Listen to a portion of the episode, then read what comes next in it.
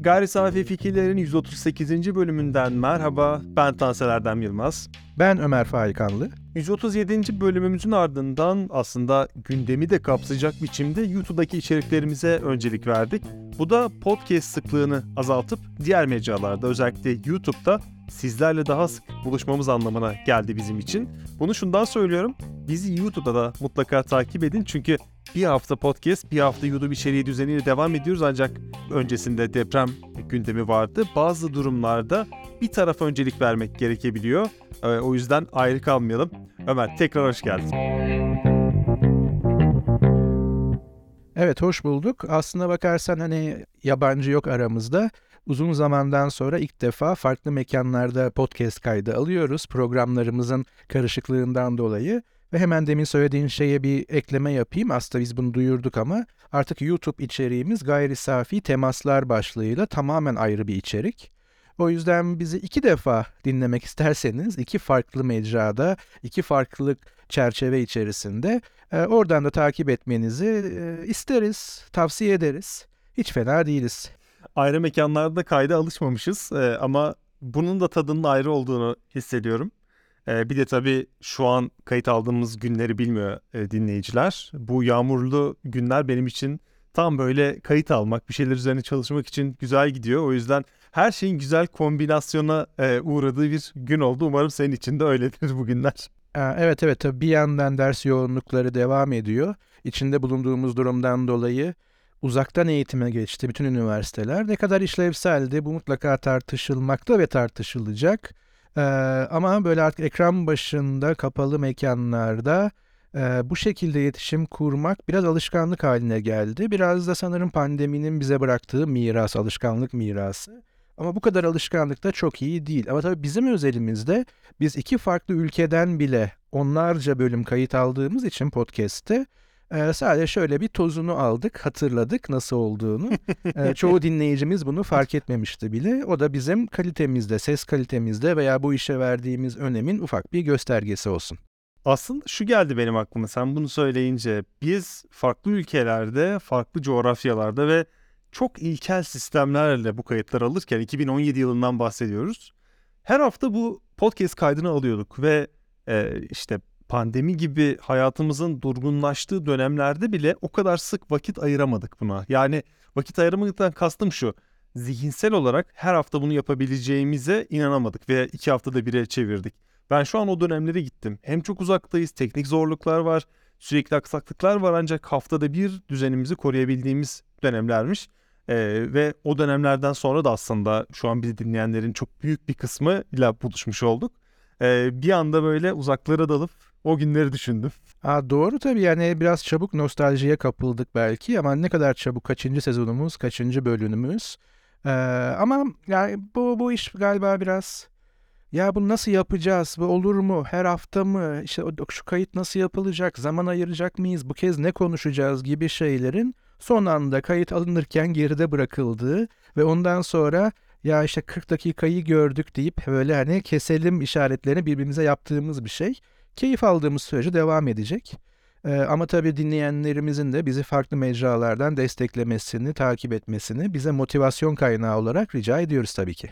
Şimdi bu bölümün konusuna gelecek olursak, biz her ne kadar farklı temaslarda hatta gayri safi temaslarda bulunsak da özünde bilim tarihçisi ve felsefecisiyiz. Burada uzun uzun şunu düşündüm bu cümleyi kurmadan önce çok kısa bir anda ama filozofu mu desem ama fazla iddialı geldi orada vazgeçtim. Ve e, şu canlandı biraz zihnimde.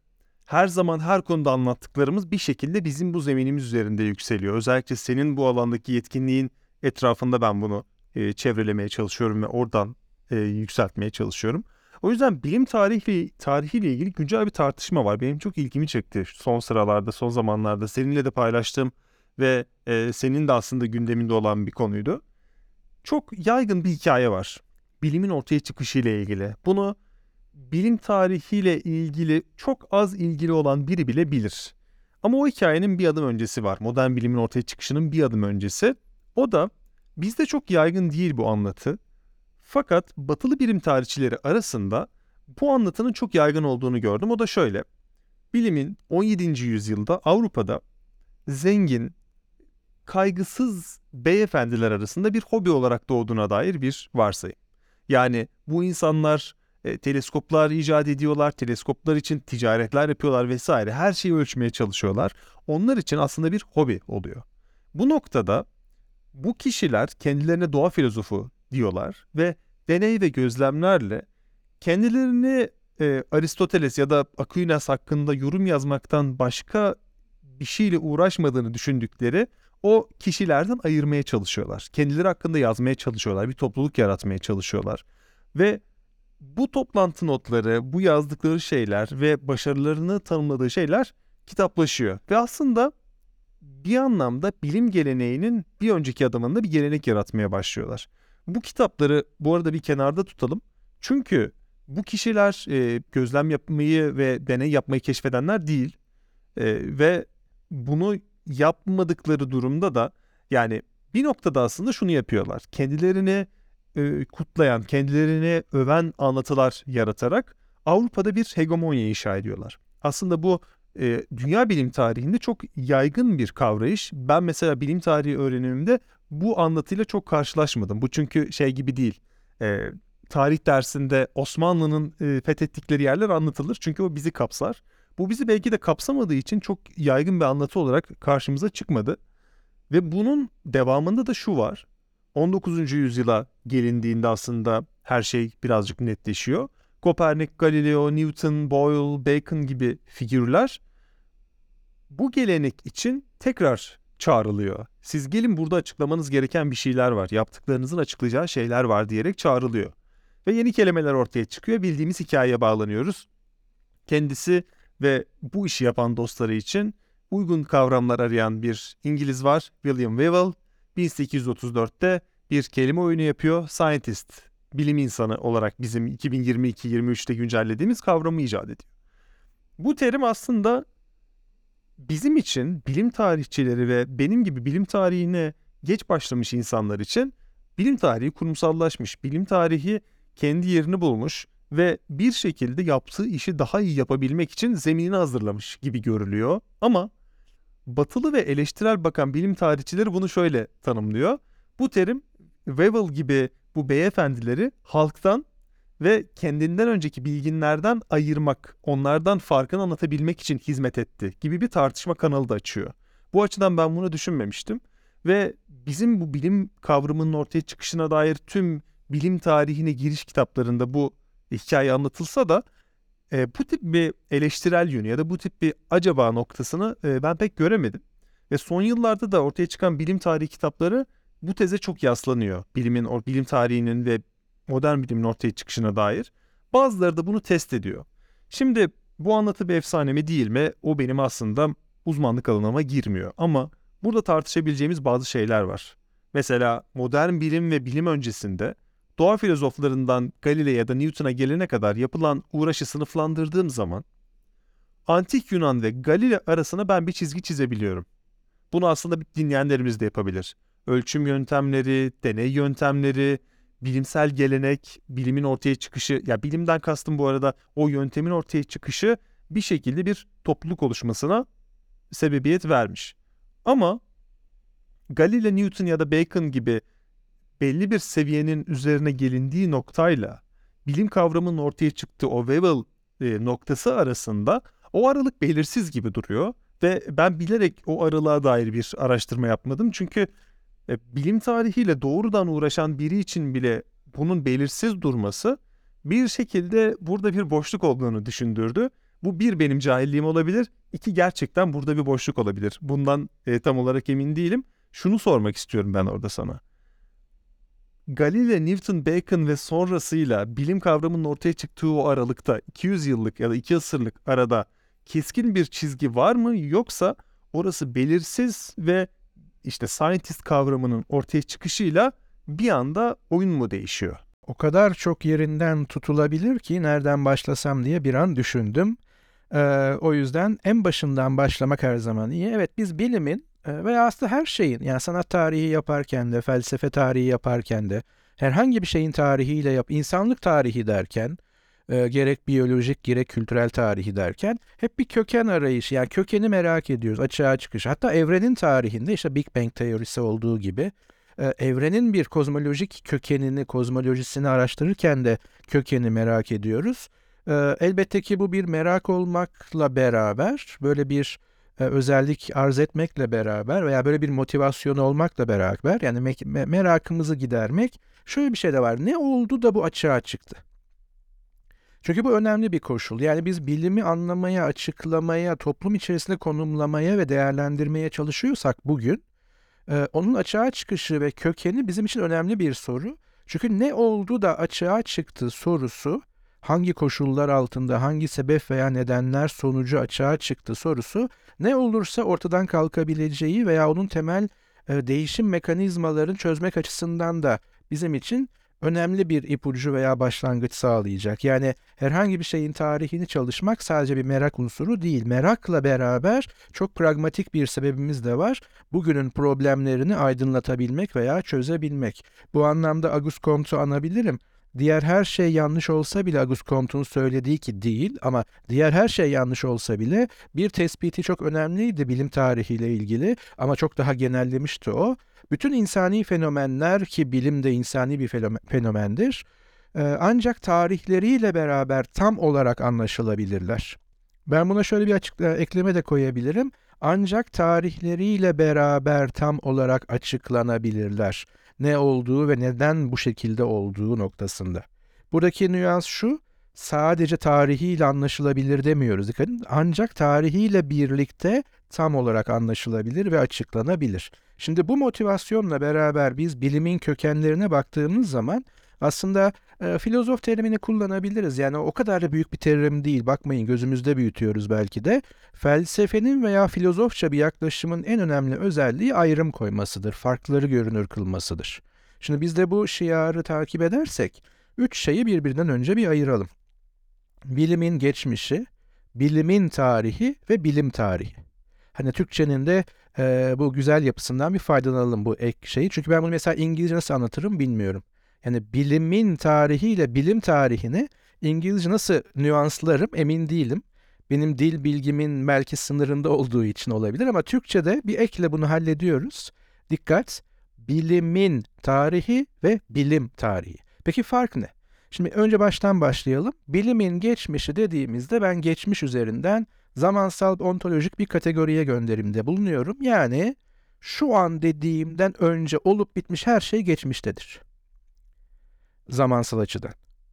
O zaman bilimin geçmişi, bilim adını verdiğimiz her ne ise bu gerçekliğin, bu insani fenomenin şu andan önce olup biten her şey.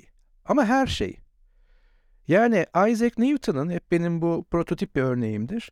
Isaac Newton'ın kaç defa nefes alıp verdiği de bilimin geçmişinin bir parçası. Isaac Newton tarihe mal olmuş bir bilim insanı olduğu için. Ama ben bunu tarih yazarken özel olarak araştırmam.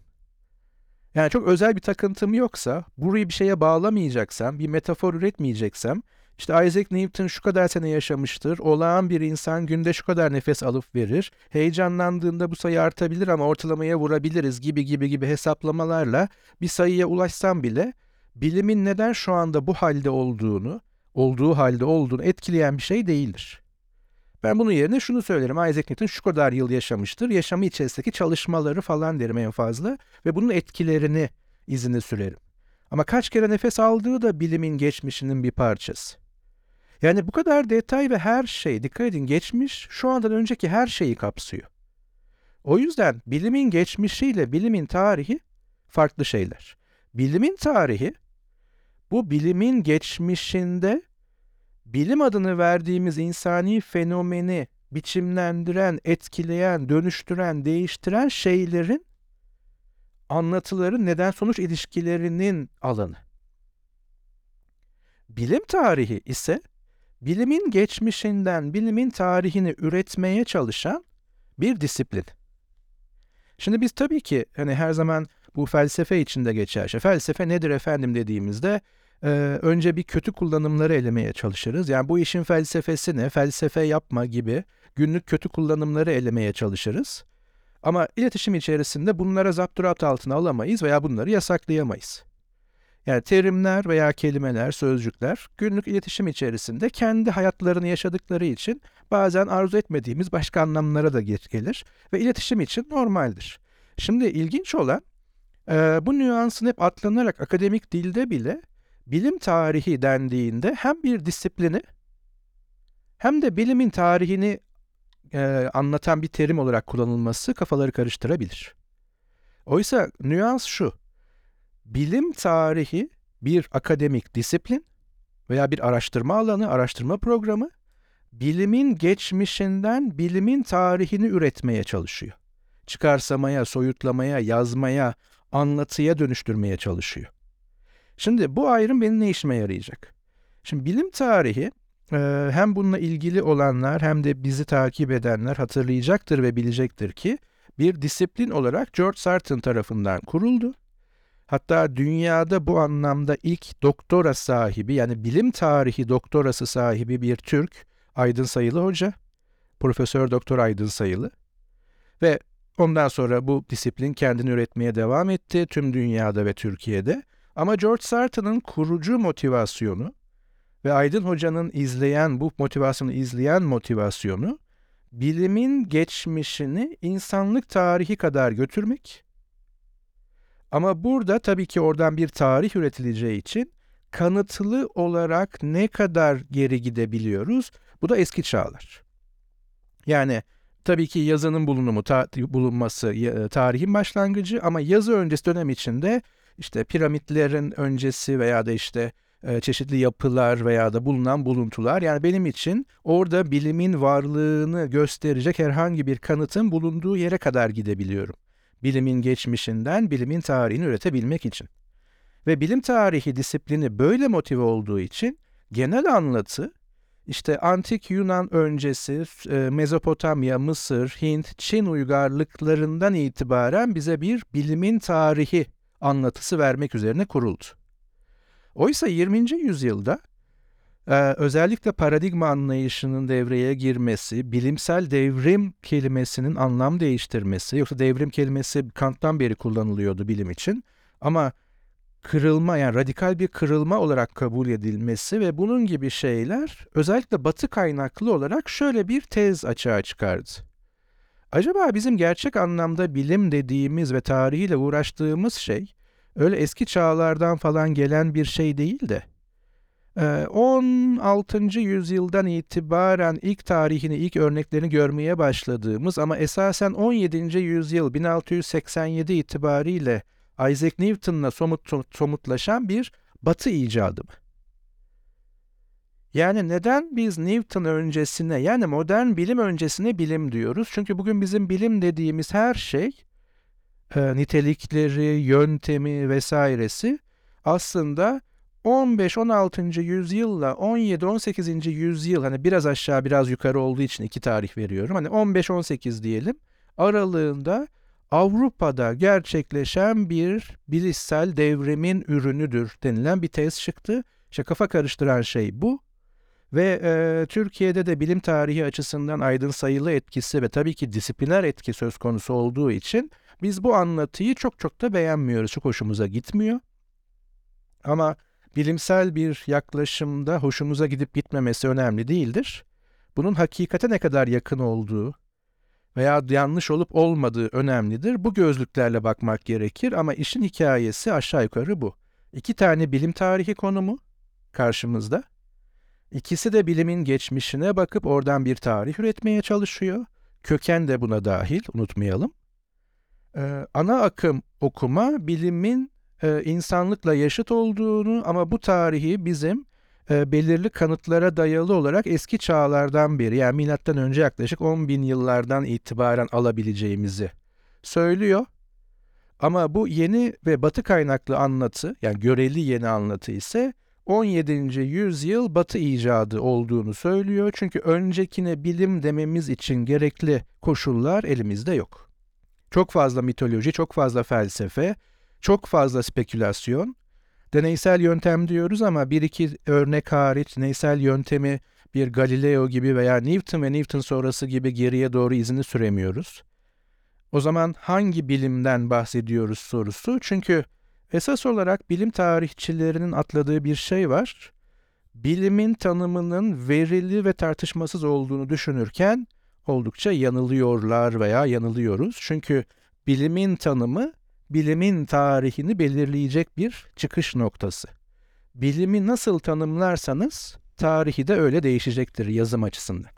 Acaba bilim tarihçileri bilim tarihini kavramsal olarak da atlıyor olabilir mi diye düşündüm. Özellikle bunu bu arada Türkiye için düşündüm. Çünkü bilim tarihi senin de anlattığın ve aslında benim bunu senden vaktiyle derslerde de dinlediğim e, için böyle bir tekrar üzerinden geçme fırsatı oldu. Sadece tarihsel olayların ard arda dizilmesinden ibaret değil. Bu bizim burada adını andığımız birçok bilim tarihçisi ve bilim filozofunun vurguladığı şeydi. Ama yani yaptığı anlama ve projeksiyonun yanında geleceğe dair bir e, öngörü, şu an olan durumu anlamak için yapılan tanımlar, geçmişte olanları önümüze tarihsel verileri koymak ve onların aslında tarihliğini sorgulamaktan ziyade onları nasıl anlayabileceğimizi kurgulamak. Aslında burada tarih yok. Yani bir yüzdelik dilimi yaratıyorum kafamda. Orada sosyoloji ve felsefe tarih disiplininden daha yoğun çalışıyor bilim tarihinde. Bu bu arada şey değil, benim keşfettiğim bir şey değil. Benim burada e, tartışmaya açmaya çalıştığım şey bilim tarihinin isim olarak işleri karıştırdığı. Çünkü şöyle bir durum var. Türkiye'de tarih disiplini güvenilirlikten uzak.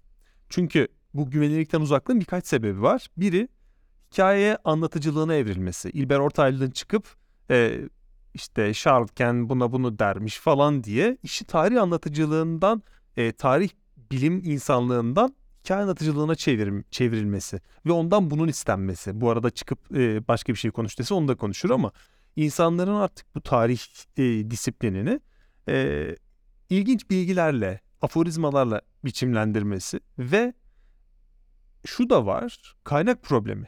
Yani genel olarak kaynaklara olan güven ve kaynakların varlığına olan inanç bence çok zayıf. Bizim alanımızda da böyle. Mesela Türkçe kaynak bir konuda bulman neredeyse imkansız. Bulduğun zaman bile şunu diyorsun. Acaba orijinalinden bunu mu okusam? Ya da bu Türkçe kaynağı yazanlar hangi kitaplardan faydalanmış? Ben mesela şu refleksi fark ettiğim anda ufak bir aydınlanma yaşadım. Türkçe bir kitap aldığım zaman kendi alanımla ilgili önce kullandığı kaynaklara bakıyorum. Kullandığı kaynaklar bana güçlü gelirse o kitabı tartmaya başlıyorum. Ama burada şu soru ortaya çıkıyor. Eğer kullandığı kaynaklar güçlü değilse ne yapıyorum? Git, gidiyorum o ana kaynakların onların kullandığı kaynaklara bakıyorum. Yani yine o eseri kullanmamaya çalışıyorum. Bunun sebebi bu arada Türkiye'de iyi e, eser yazılamaması değil. E, bir şekilde bizim kaynaklara olan güvenimiz ve e, kaynakları aktarma konusundaki nasıl diyeyim kabiliyetimizin yavaş yavaş artıyor olması. E, bu noktada aklıma şu geliyor. Bilim tarihi bence şu an bizim tanımladığımız ve e, arzuladığımız biçimde yapılan şeyi karşılamıyor. E, bunu ne karşılıyor? Biraz uzaktan bakınca bilim çalışmaları karşılıyor ama bu da ağırlığı taşımıyor. Yani science studies, bilim çalışmaları deyince çok çok dar bir alanda bir çalışma grubunda yapılan bir işmiş gibi hissettiriyor. Yani bilim tarihinin o genel yerini de kapsamıyor. Bir ikincisi yapanlar için de cezbedici değil. Hangi alanda çalışıyorsun? Bilim çalışmaları. Bilim tarihi kadar kuvvetli değil, bilim tarihi kadar ağır basmıyor yere. Ama bilim tarihi de Türkiye'de tarihin bulunduğu ve geldiği mevcut durumdan dolayı sanki bilim tarihini bir bilmiyorum taşıyamıyormuş gibi geliyor. Herhalde e, hani bu bölümde sana son atacağım top da bu olacak. E, aslında bilim çalışmaları olarak Türkçeleştirdiğimiz burada aslında bir problem var. Çünkü tabii ki akademik dünyada bilim çalışmaları veya bilim incelemeleri ikisi de kullanılıyor. Science Studies'in karşılığı olarak. Ee, hani ne olduğunu anlıyoruz hemen duyar duymaz ama genel bir kabulde bilim çalışmaları herhalde bilimle ilgili çalışma. Yani bir fizik çalışması da bilim çalışması gibi. Hani bir karışıklığa sebep oluyor. O yüzden bilim çalışmaları derken Science Studies adı altında e, belki de yaklaşık bir 50-60 yıllık gerçek tarihi olan 1960'lardan sonra yapılandırılan biraz Thomas Kuhn sonrası bir çıkış e, diyebiliriz. Bir ayrı e, çatı disiplinden veya e, bir ayrı çatı kavramsallaştırmadan bahsettiğimizin altını çizelim. Yani bilim çalışmaları alanı diye. Buradaki esas mesele yani ağırlığı taşıma taşımama değil. Türkiye özelinde elbette ki bakılabilir. Hatta bu konuda konuk alabileceğimiz oldukça fazla kişi var. Ki bunu da bir not edelim kendi zihnimize. Bilim sosyolojisi hatta sosyoepistemoloji çıkışlı olduğu için ki esas çıkışı STS isimli yani STS isimli e, kısaltmasıyladır. Yani Science Technology e, Studies veya Science Technology and Society hangisi olduğuna bile karar verilemiyor. Yani bilim teknoloji çalışmaları mı, bilim teknoloji toplum mu? Çünkü bu ikisi ayrı yönelimler. Ama dikkat edersek ikisindeki e, odak noktası sosyolojik bir bakış. Hatta sosyoepistemolojik bir bakış. O yüzden bu bakışın tarihe başvurması biraz daha farklı motivasyonlar içeriyor. O yüzden bilim tarihi hala yekpare veya da ayrı bir yerde duruyor. Ama e, belki Thomas Kuhn'un o ilk cümlesi tarih yalnızca bir kronoloji ve anlatı deposu olarak görülmediği takdirde şu an bize egemen olan bilim imgesini kökünden değiştirebilir demesi gibi biz genelde tarih deyince ve bilim tarihi deyince bir kronoloji listesi geliyor aklımıza. İşte 1543 Kopernikus, Nikola Kopernikus göksel kürelerin dönüşleri üzerine adlı kitabını yayınladı. İşte bilim tarihi budur. Hayır bilim tarihi bu değildir. Bu bir zamansal, işte o geçmişte bir koordinat koymak. Bilimin tarihini yazarken önemli mi? Tabii ki önemli. Yani bir harita gibi düşünün. Haritayı koordinatlara oturtmak çok önemlidir yolumuzu bulmak için. Ama sadece koordinatlar yetmez. Dolayısıyla zamansal bir koordinat olarak kronolojide bir noktaya onu konumlamak tamam ama şu soruların cevabını gerektiriyor. Farklı ağırlıklarla da olsa. Ne, nedir, neden, nasıl? Şimdi ne ile nedir arasında çok küçük bir nüans var. Ama e, biraz önce söylemeye çalıştığım buydu. Nedir sorusu önce nesnenin tanımla. Çünkü bütün sosyal bilimlerde belki bütün bilimlerde e, önce nesneni kurarsın. Araştırma nesnesi kurulan bir şeydir. Bu onu idealize etmez, spekülatif kılmaz, hayal ürünü kıl, kılmaz. Ama kavramsallaştırman gerekir araştırabilmen için. Yani hani Cem Yılmaz'ın göster ilk gösterisinde vardı. E, esprilerinizi nereden buluyorsunuz? İşte bakın buradan buluyorum diye bir şey gösteremezsin. O da o bir espri yapardı. Hani hatırlayanlar hatırlar. Bilim bilim çok güzel. Bilim nedir? Hani hadi bana göster. İşte bilim budur. Tabii şu an görüntülü olmadığı için elimde şu an ben bir e, kupa tutuyorum. İşte bilim budur dediğim bir şey var mı karşı? İşte bilim budur. Bakın teknoloji o anlamda biraz daha avantajlı ama o da yemez. Bilgisayarı gösteripse ya teknoloji budur diyemem. Ben bilgisayar gösterdim size.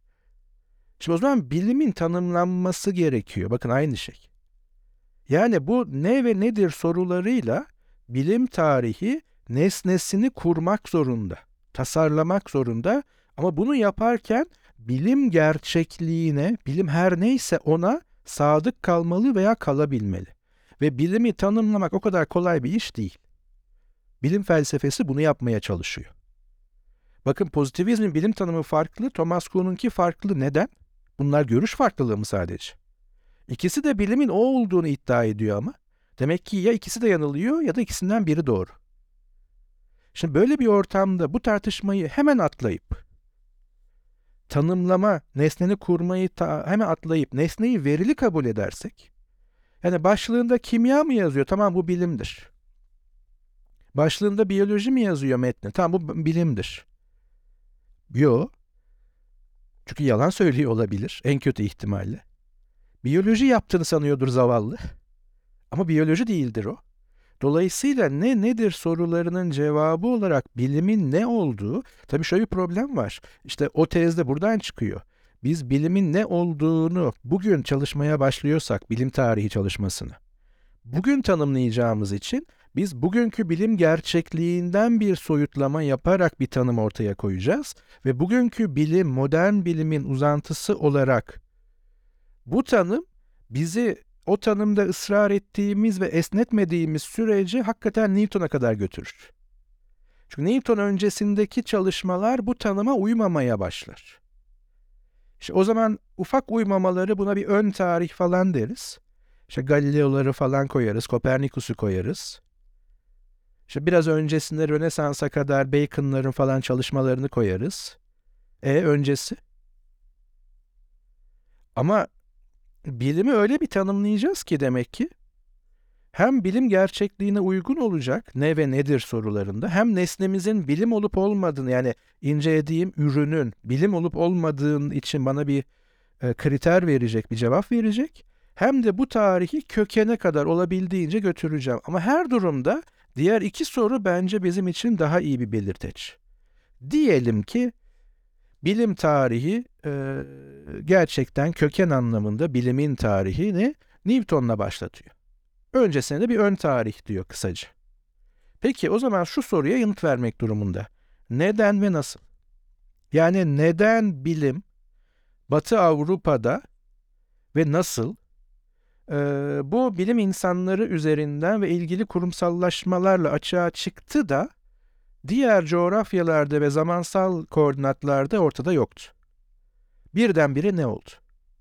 Eğer biz öncesine bir neden sonuç ilişkisi koyabiliyorsak yani şu şu gelişmeler oldu ki Batı Avrupa'da Newton açığa çıkabildi diyorsak o önceki nedenler bizim için bilim mi değil mi? Yani bilimi açığa çıkartıyor ama bilim değil. Bu mümkün mü? O zaman o neden silsilesini izleyebildiğimiz yere kadar aslında biz bilimin tarihini götürebiliriz gibi görünüyor. Bu anlamda Aydın Hoca ve e, George Sartre haklıydı. Ama buradaki mesele aslında felsefi bir tartışma, ciddi bir tartışma. Biz bilimi nasıl, yani daha doğrusu bilimi ne olarak tanımlıyoruz? Ve bu tanım gerçek bilime veya bilim gerçekliğine ne kadar sadık? Bu o kadar basit bir soru değil. Bilim tarihçilerinin bir kısmının içine düştüğü hata, bu sorunun kolay olduğunu düşünüp ve verili bir cevabı olduğunu düşünüp yola hemen çıkmaları. Oysa tanımlar, tanımlama gücü, nesneyi kurma, bilim etkinliğinin içerisinde çok çok önemli bir şey. Ve e, burada yapılacak bir hata tüm çalışmayı başka bir yere doğru savurabilir. Yani mevzu karışık. E, ve bu karışık mevzu esasen bilim tarihsel bir tartışma ortaya çıkarıyor. Biz bu podcast'te bazı zamanlarda tartışmayı biraz yüzeye çekiyoruz ancak bu doğrudan bilim tarihsel bir tartışmanın girişi ve özetiydi. E, bu noktada şöyle bir yerde aslında tüm bu argümanlar kavuşuyor. Bilimi, bilimsel yöntemi ya da bilimin nasıl çalıştığını anlayabilmek için bilim tarihi öğrenmek gerekiyor. Çünkü bilim tarihi bize orada gideceğimiz e, yolları, orada gireceğimiz arkları bir şekilde tanımlıyor. Ve o açıdan e, tüm bu tartışmaları yapabilmemizi sağlıyor bizler için. E, ve o tarihsel anlatının ya da sadece tarih bilgisinin sadece bununla sınırlı olmadığını anlayabilmek de aslında yine bilim tarihi üzerine çalışmakla geçiyor. Bir sonraki bölümde görüşmek üzere. Bizi YouTube'dan mutlaka takip edin. Twitter'da, Instagram'da, TikTok'ta tüm içeriklerimizle sosyal medya mecralarında yayındayız. Ekşi Sözlük'te gelen yeni yorumları görüyoruz, keyifle görüyoruz ve çok seviniyoruz. Ayrıca Spotify'da bizi takip etmenizi istiyoruz ve rica ediyoruz. Apple Podcast'te yorumlarınız bizi bilim tarihi ve bilim felsefesi sevenlerin önüne daha fazla çıkarıyor ve bugüne dek neredeyse 200 bine yaklaşan dinleyicimiz ve dinlenme sayılarımızı daha fazla artırıp sizler ve sizler gibi olan bu alana ilgili olanlarla buluşmak istiyoruz. Kendinize şunu sorun. Bilim nedir? Görüşmek üzere. Görüşmek üzere.